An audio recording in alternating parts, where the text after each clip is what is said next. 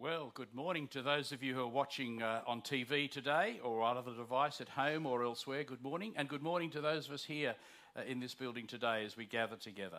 Uh, my name's Alan. I'm one of the regular members here at uh, Mars- Life Anglican Marsden Park. Well, we've been exploring John chapters 13, 14, 15, and 16. We're checking out what happened on one last night, where Jesus shares the Passover meal with his disciples on the last night before his crucifixion. We're eavesdropping on an amazing conversation between Jesus and those closest to him in his earthly life. But these words that Jesus speaks to his disciples before his crucifixion are words that he speaks to you and to me as well. And we're all the better for hearing their challenge and their encouragement. So join with me as we meet with Jesus on this one last night. Now, those of us that were at church last week, we may remember uh, from our preacher Bill Salia, he said uh, that Jesus' disciples seemed quite confused. When Jesus began the Passover meal, he washed his disciples' feet. He said to them, A new command I give you love one another. As I've loved you, so you must love one another. By this, everyone will know that you are my disciples if you love one another. And Jesus went on to tell his disciples not to let their hearts be troubled. He said, I am the way and the truth and the life. No one comes to the Father except through me. Now, I'm wondering, how has last week been for each of you? Was it an interesting week? Last Sunday, we heard preacher Bill Celia tell us about an ancient proverb May your times be interesting. In the ancient world, this expression wished bad luck and chaos upon the listener. May your times be interesting. Well, we live in very interesting times, don't we? There is uh, Russia, China, overseas, mortgage rates, mortgage stress for many of us, job stress, the cost of living, domestic crime, cyber spies. How much of uh, other places know all about me from my phone? And then there are gender and sexuality issues, uh, and which we've also addressed in prayer this morning. My wife Meg's life has been very interesting in the last 12 months, with ongoing chronic illness coupled with forced isolation.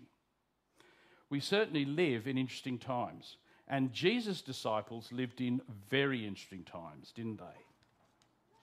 Let's listen now from John chapter 14, from verse 15, to more of what Jesus said to his disciples. And Keith Knockley is going to read us the scriptures, and you can also read the scriptures on the screen behind me. Good morning. I'm reading from John chapter 14, verses 15 to 27. Jesus continues to speak to his disciples. If you love me, keep my commands, and I will ask the Father, and he will give you another advocate to help you and to be with you forever, the Spirit of truth. The world cannot accept him because it does not see him or know him. But you know him, for he lives with you and will be in you. I will not leave you as orphans, I will come to you. Before long, the world will not see me anymore, but you will see me because I live, you also will live. On that day, you will realize that I am in my Father, and you are in me, and I am in you. Whoever has my commands and keeps them is the one who loves me.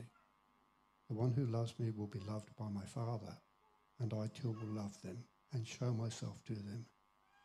Then Judas, not Judas Iscariot, said, But Lord, why do you intend to show yourself to us and not to the world?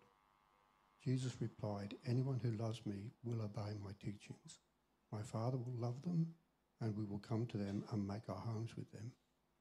Anyone who does not love me will not obey my teachings. These words you hear are not my own, they belong to the Father who sent me. All this I have spoken while I am still with you, but the Advocate, the Holy Spirit, whom the Father will send in my name, will teach you all things and will remind you of everything I have said to you. Peace I leave with you, my peace I give to you. I do not give to you as the world gives. Do not let your hearts be troubled, and do not be afraid.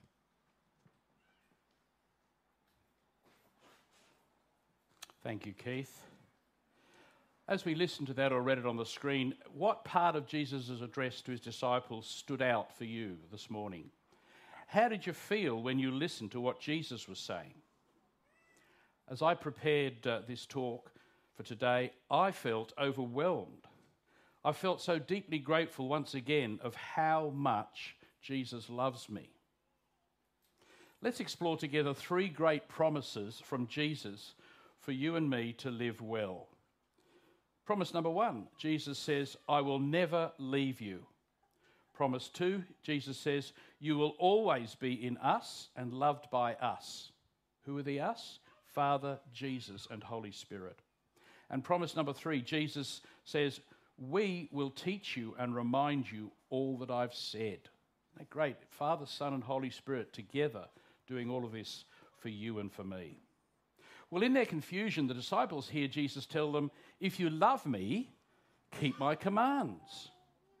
And with this command comes this great promise. Verse 16 I will ask the Father, and he will give you another advocate to help you and to be with you forever the Spirit of truth. So Jesus is going to be moving on, and that's confusing for the disciples to get their head round. But Jesus is going to ask the Father to send another advocate, the Spirit of truth, the Holy Spirit Himself. And this promise gets better. Listen to verse 17. The world cannot accept Him because it neither sees Him nor knows Him. But you know Him, for He lives with you and will be in you. He lives with you. The Spirit of truth, the Holy Spirit, lives with them because Jesus is with them at this time and has been for three years and will be in you. Future tense, isn't it? The Holy Spirit will be in them in a few days' time after Jesus rises from the dead. But they don't know this yet. The disciples continue to feel abandoned. So, what does Jesus say? I will not leave you as orphans, I will come to you. And he does. He comes to them a few days later after his death and resurrection. And verse 19 Before long, the world will not see me anymore, but you will see me because I live, you also will live.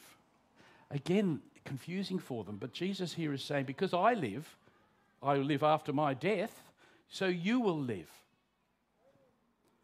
Well, before long, is just a few days away for these disciples. Just as Jesus promises to never leave his disciples if they love him and keep his commands, so too, promise number one, Jesus says, I will never leave you if you love me and keep my commands. Now, I've known Jesus for many, many years. It's counted in decades now.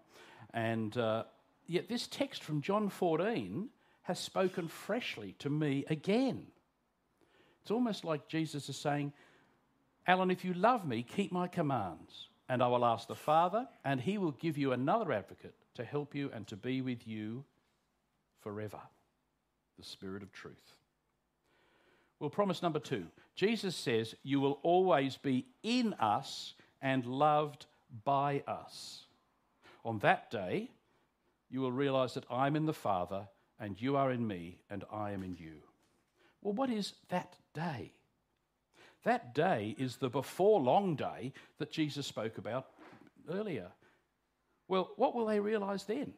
That Jesus is in his Father, and that the disciples are in Jesus, and that Jesus is in the disciples. On that day, the disciples will be connected forever with God, Father, Son, and Holy Spirit. Yet this promise is made to others as well. It's made to you and to me. Verse 21 Whoever has my commands and keeps them is the one who loves me. The one who loves me will be loved by my Father, and I too will love them and show myself to them. Wow. And from verse 23 anyone who loves me will obey my teaching. Well, how are they going to do that? How will they obey my teaching? My Father will love them, and we will come to them and make our home with them. How fantastic is that? Now, the text on the screen is my attempt to illustrate this verse. The U, the yellow in the centre, are surrounded by the three persons of God. If you love Jesus and keep his commands, you live in and are loved by Jesus, by your Father, and and by the Holy Spirit who teaches you and reminds you of what Jesus has said. I don't know if it's your experience, but sometimes I read the Bible or I hear somebody reading the Bible and I think, I don't remember that being in the Bible before. Uh, has anyone had that experience? You kind of think, I've read that many times, but I don't remember that being in the Bible. I guess it's the Holy Spirit speaking, reminding us, teaching us, particularly about something we need to listen to, even though we've forgotten perhaps that it was in the Bible before. I went to a school which regularly taught uh, the Bible and really taught um, uh, religion and uh, had chapel twice a week. I didn't come to know the Lord Jesus Christ until about a year after I left school. And what I heard from the sermon was nothing particularly new in some ways, but as the sermon went on at this place I went to, um, I just heard the gospel for the first time. Just extraordinary. And I gave my life to the Lord. That's the work of the Holy Spirit.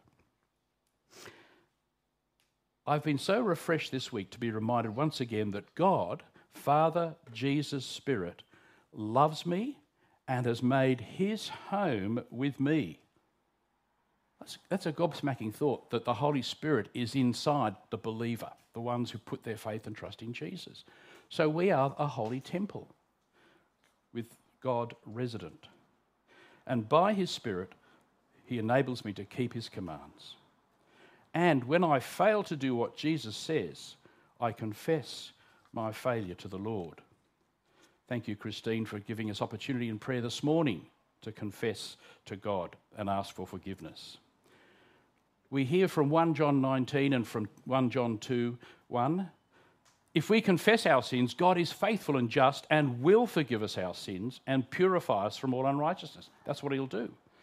And then in uh, verse 1 when we sin, we have an advocate with the Father, Jesus Christ, the righteous one. He is the atoning sacrifice for our sins, and not only for ours, but also for the sins of the whole world. How great is that? Here's the work of the Holy Spirit teaching us and reminding us. We're in the Father, we're in with Jesus and the Holy Spirit. And when we confess our sins and say, Lord, we haven't been keeping your commands, we can receive forgiveness from Jesus Christ and his death on the cross. Well, let's go back to John 14. From verse 15, Jesus says, If you love me, keep my commands. And from verse 20, Jesus says, On that day you will realize that I am in my Father, and you are in me, and I am in you.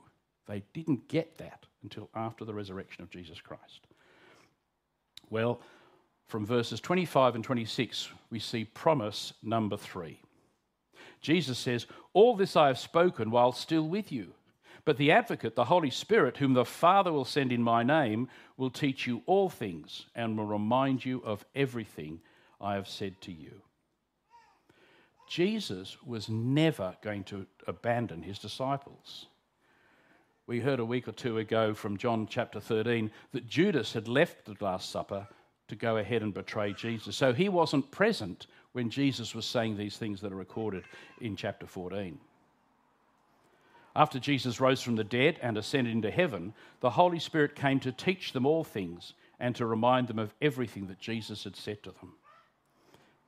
And I've been so refreshed this week, in and through all the interesting times that I've had, to be reminded once again that God's Holy Spirit teaches us, teaches you and me all things and reminds you and me of everything that Jesus has said. Now, how does the Holy Spirit do that? He does that when we're reading the scriptures, when we're actually staying with the scriptures. Uh, I'm always a bit suspicious um, or a bit concerned sometimes when someone says, The Lord told me blah, blah, blah, blah, blah. Now, if the Lord's told you blah, blah, blah, blah, blah, and it matches with what the scriptures say, then hallelujah, let's go ahead with that. Um, but the Holy Spirit works through the Word of God. The Word of God and, the Spirit of God remind us and teach us. Well, what are these three great promises from Jesus for you to live well? Promise number one Jesus says, I will never leave you. That's a great promise. That is fantastic. Sometimes through either depression or anxiety or just feeling really down, we wonder if Jesus might leave us. I've spoken and ministered with Christians who are concerned that they hope their life is good enough to make heaven when they die. I'm talking about older people or people approaching palliative care. Jesus says, I'll never leave you. If you know and love the Lord Jesus Christ, and you know that, then you can receive the promise I will never leave you. Promise number two, Jesus says, You will always be in us and loved by us. Wow, isn't that great? If others don't seem to love me, then Jesus, the Father, and the Spirit are loving me. And promise number three, we will teach you and remind you of all I've said.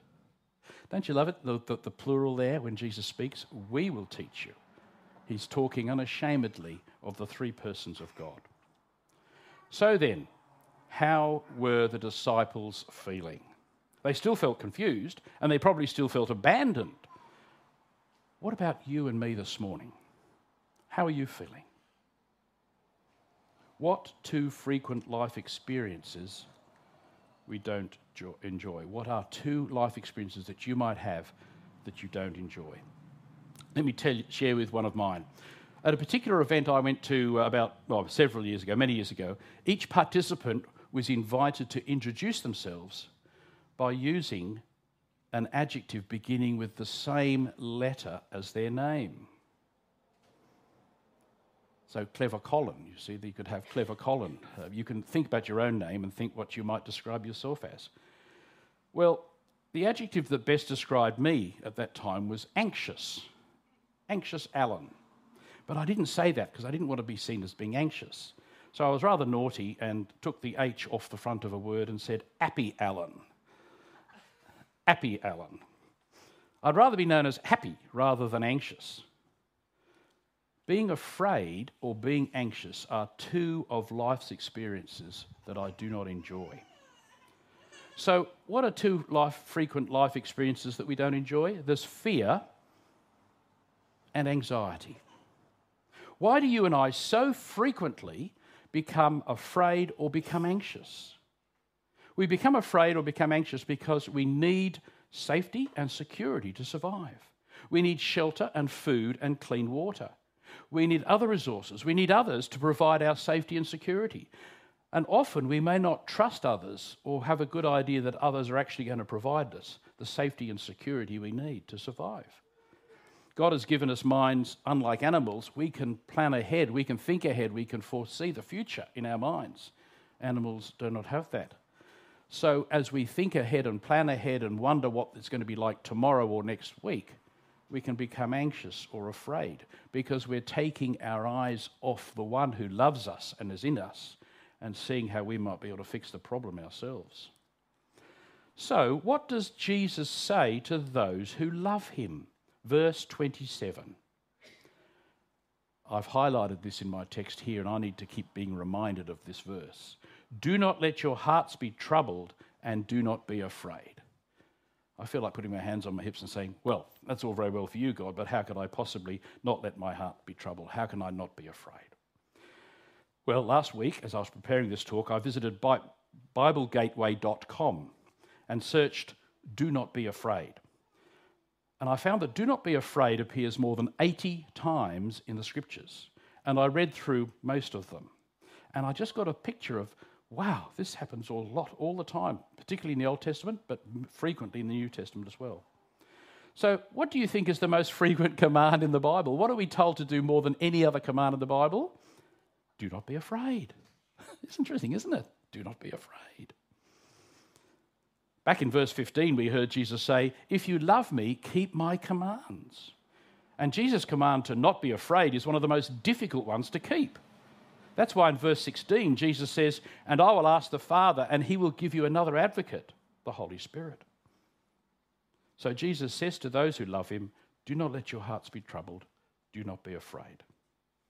So, what does Jesus promise then to give us to overcome this anxiety and this fear?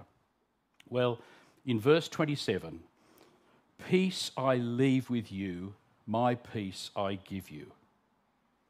Receiving the peace of God is the work of the Holy Spirit. The Spirit of truth, verse 15, will help us and He'll be with us forever. The peace that Jesus leaves with you and gives to you is absolutely extraordinary. So Jesus says to these fearful disciples, verse 27 Peace I leave with you, my peace I give you. I do not give to you as the world gives. Do not let your hearts be troubled, and do not be afraid. So, what does Jesus promise? What does he promise to give us? He promises to give us peace. After Jesus was crucified, the disciples became terrified. They locked themselves away, hidden away, hoping that the authorities wouldn't find them and that they'd end up having the same treatment as Jesus had had. And then, as we move forward and look at uh, John chapter 20, verse 19, which is the day of Jesus' resurrection, John 20, verse 19, Jesus came and stood among them and said, Peace be with you. And again, Jesus said, Peace be with you. As the Father has sent me, I am sending you. And verse 22, breathing on them, he said, Receive the Holy Spirit. That's when they got the Holy Spirit at the resurrection of Christ. What was the very first words that they heard, these terrified disciples locked away in this room, and Jesus? I mean, how did he get through? Did he morph through the wall? Did he morph through the doors? Or did he understand how to lock the unlock the door. It doesn't matter. He's got a resurrection body. There he is. They're absolutely staggered to see him. And the very first things they, heard, they hear him say is, Peace be with you. And how did they get his peace? They received the Holy Spirit. Well, what does Jesus' promise give to us? Peace. And about 20 years after Jesus rose from the dead and ascended into heaven, the Apostle Paul wrote to the Philippian church that he'd founded. And from Philippians 4 6 to 7, and this is one of my favourite texts in the scriptures, I need to keep coming back to this text over and over again. We hear these fabulous words from Philippians chapter 4, verses 6 and 7. Do not be anxious about anything. yes. But in every situation, which means we need to bring everything that's going on in our lives to God. But in every situation, by prayer and petition, what's prayer and petition?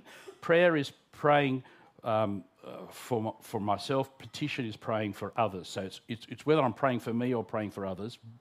We bring our prayers with thanksgiving. Present your requests to God.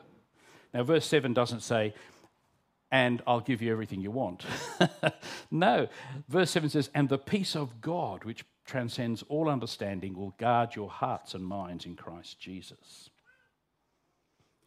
So, the antidote for anxiety and fear is the peace of God, which is gathered through prayer and petition with thanksgiving. In other words, staying connected with the scriptures, taking to God our prayers, talking to God, and God talking to us by His Holy Spirit and through the Bible, through His Word.